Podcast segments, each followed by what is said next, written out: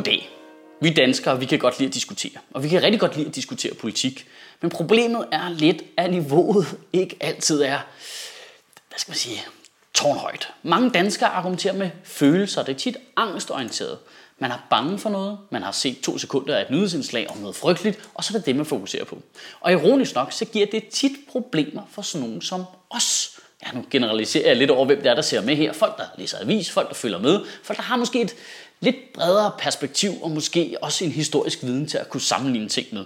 Vi kan komme tit i problemer. Jeg tror, vi alle sammen har prøvet det der med at blive retorisk løbet over ende af folk, der kun siger forkerte ting og har vrænget alt ud af proportioner. Og så står man bare tilbage med alle sine fakta og tænker, hvordan fanden tabte jeg den diskussion? Og det gør sig i allerhøjeste grad gældende, når vi diskuterer den aktuelle flygtningedebat. Men sådan skal det ikke være længere. Her i Sjøtministeriet vil vi gerne hjælpe dig, så derfor har vi lavet en retorisk guide til flygtningedebatten. Et af de mest brugte argumenter imod at hjælpe flygtningen har været, nej, men vi skal faktisk hjælpe vores egne først. Der er der så den rolige svarvariant, hvor du siger, selvfølgelig skal vi det. Vi skal altid hjælpe hinanden. Det skal man altid. Man skal altid passe på hinanden. Men det er ikke i modsætning til at hjælpe nogle andre også. Det ligger fuldstændig inden for rammerne af vores økonomi at bruge for eksempel nogle milliarder på at hjælpe de stakkels flygtninge, og så også tilføre nogle ekstra milliarder til for eksempel hjemmeplejen. Det er fuldstændig realistisk inden for rammerne af vores økonomi. Det er bare at stemme på nogle partier, der synes, at det er en god idé. Her kan det være smart, hvis du lige har nogle briller, du kan rette på og lige tage en tår af din kaffe. Så er der den provokerende variant, hvor du vælger at sige, ved du hvad, du må kun bruge argumentet omkring, at vi skal hjælpe vores egne først, hvis du også sagde det dengang, vi besluttede os for at bruge 90 milliarder kroner på nye kampfly. Hvis du dengang også var på barrikaderne og var helt op og var rasende og sagde, prøv at tjekke, hvordan de ældre har det. De har det i helvede til, og skolerne, det går også dårligt med dem. Hvorfor skal vi bruge penge på kampfly? Hvis du var der, hvis du startede Facebook-grupper, og du var rasende, så må du godt bruge argumentet nu. Hvis ikke du gjorde det, så skal du holde din kæft. Så er der også den filosofiske variant. Hvem er vores egne egentlig? Altså, er det mennesker, du mener? Er det europæere? Er det danskere? Er det jyder? Er det folk fra Kolding? Er det folk, der bor lige på din vej? Hvor meget vores egne skal det egentlig være? Og tæller det ikke, at det er vores egne ofre for vores egen destabilisering af Mellemøsten? Er det ikke egne nok?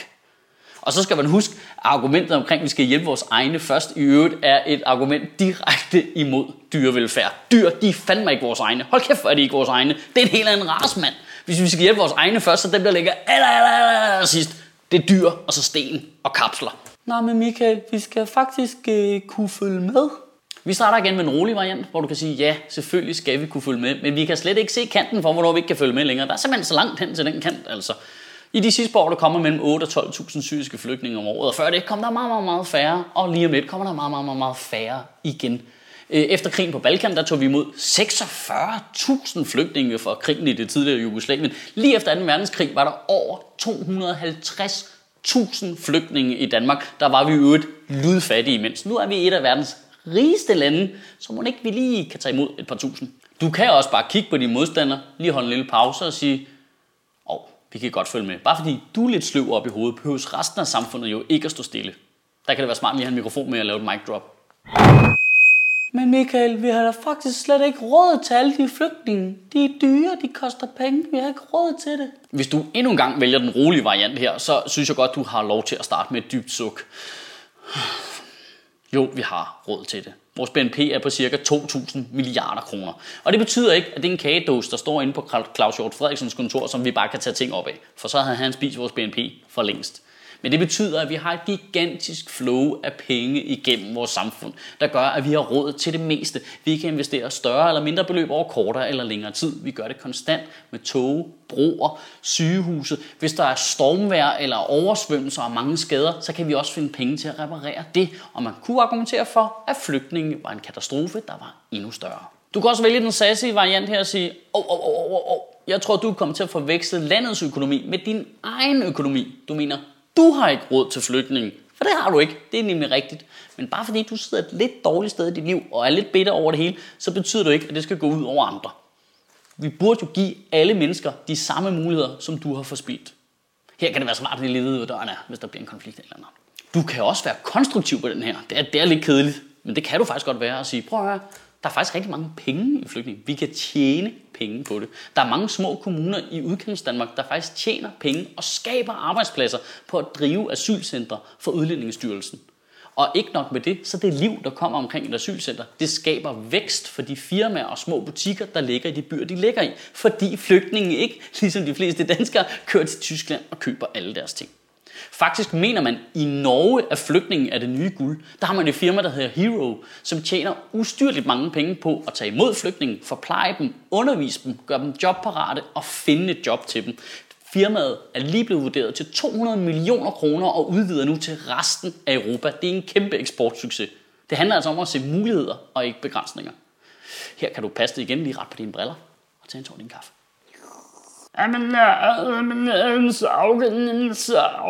der kan faktisk også være terrorister blandt flygtningene. Her er det virkelig svært ikke at starte med en hård variant og sige, ja, og hvem er det nu, der siger, at det er, der er terrorister? Blandt flygtninge? Det er rigtigt. Det er ISIS, der siger det. Det er simpelthen ISIS, der siger det. Og hvordan er det nu? Er det sådan nogle øh, super flinke fyre, der bare lige gerne vil give os en færre advarsel i forvejen, eller er det sådan nogle, der bare godt kunne tænke sig at skabe enormt meget panik op i Europa? Det er rigtigt, det er rigtigt. Skulle du lige bruge din hjerne i 4 sekunder, inden du løber terroristernes ærne, din store fede idioten, altså Carter? Du kan også tage den rolige variant og svare, ja, Selvfølgelig, når der kommer så mange mennesker til Europa lige pludselig, så er sandsynligheden for, at der er nogle bad guys imellem, der er rimelig til stede. Det vil være næsten urealistisk andet. Det, der, der vil være nogle brødne kar imellem de mennesker, som kan hugge op med nogle andre sindssyge mennesker, der er her i forvejen, og måske begå noget terror. Men skulle vi ikke satse på, at vores politi og efterretningstjeneste allerede var klar over det, før du kom i tanke om det, og måske allerede var i gang med at tage deres forholdsregler? Altså, hvis du lige tænker over de to sekunder, hvor lidt tillid har du egentlig til politiet, når du er villig til at efterlade 100.000 vis af mennesker i armod, bare for at undgå et terrorangreb? Har du virkelig så lidt tiltro til vores politi? Der er også en kort variant, hvor du bare siger, ja, din mor er en terrorist. Det kan jo ikke bruges på alle de andre spørgsmål også. Din mor har ikke råd til flygtning, din mor har ikke plads til flygtning, din mor er en flygtning. Den, den, den er rigtig god. Ja, det var ligesom de mest brugte argumenter imod, at vi skulle hjælpe flygtninge, der ligesom florerer ude i debatten. Der er selvfølgelig mange, mange, mange, mange, mange flere, og endnu, endnu dummere argumenter, som du sikkert støder på derude. Men internettet er simpelthen ikke stort nok til, at jeg kan uploade en video, der kan tage sig af dem alle sammen. Men nu tager vi de her svar, så skriver vi dem lige ned i et lille dokument og lægger dem op her på Facebook-siden. Og så kan du copy-paste dem og bruge dem, hvis du har lyst. Hvis du havner i en Facebook-debat, hvor folk er alt for retarderet at høre på. Jeg håber i hvert fald, at det hjælper dig. Kan du have en rigtig god uge, og Gud bevare min bar. Det værste ved at diskutere det med flygtninge, det er, at man fornemmer, at en vis procentdel af dem, der argumenterer imod, at vi skal hjælpe flygtninge, de helst bare godt vil have ikke kommer nogen muslimer, men det ved de godt er forkert, så det siger de ikke. Så de skifter bare rundt mellem, jamen der er ikke plads til dem, jo der er, nå, men så har vi ikke råd. Jo, vi har, så, så de terrorister så. Men det er de ikke. Nej, men sådan, sådan noget andet skal ikke komme. Og nu er det sgu tid til at lukke computeren og komme ud og opleve mig mit rette element foran et live publikum, når jeg har premiere på mit nye one-man-show Ytringspligt den 29. september. Du finder dine billetter på fbi.dk-ytringspligt. Og så skal du huske, at vi som altid er sponsoreret af Comedy Zoo. Det betyder, at du nogle gange lige skal suge forbi og se, om ikke du skal se et rigtig sjovt show. Der er rigtig gode muligheder i næste uge i København. Der kan du nemlig se Geo, Alex Tillander og den regerende Danmarksmester i stand Mikkel Rask. Hvis du er i Aarhus, så skal du huske, at vi har også en rigtig fin lille comedy zoo deroppe. Der kan du se Linda P., Anders Grav og en rigtig, rigtig sjov fyr op fra Aalborg, du helt sikkert ikke har set før. Du hedder Martin Havgård. Det skal du ikke snyde dig selv for. Husk at gå ind på fbi.dk og finde din billet.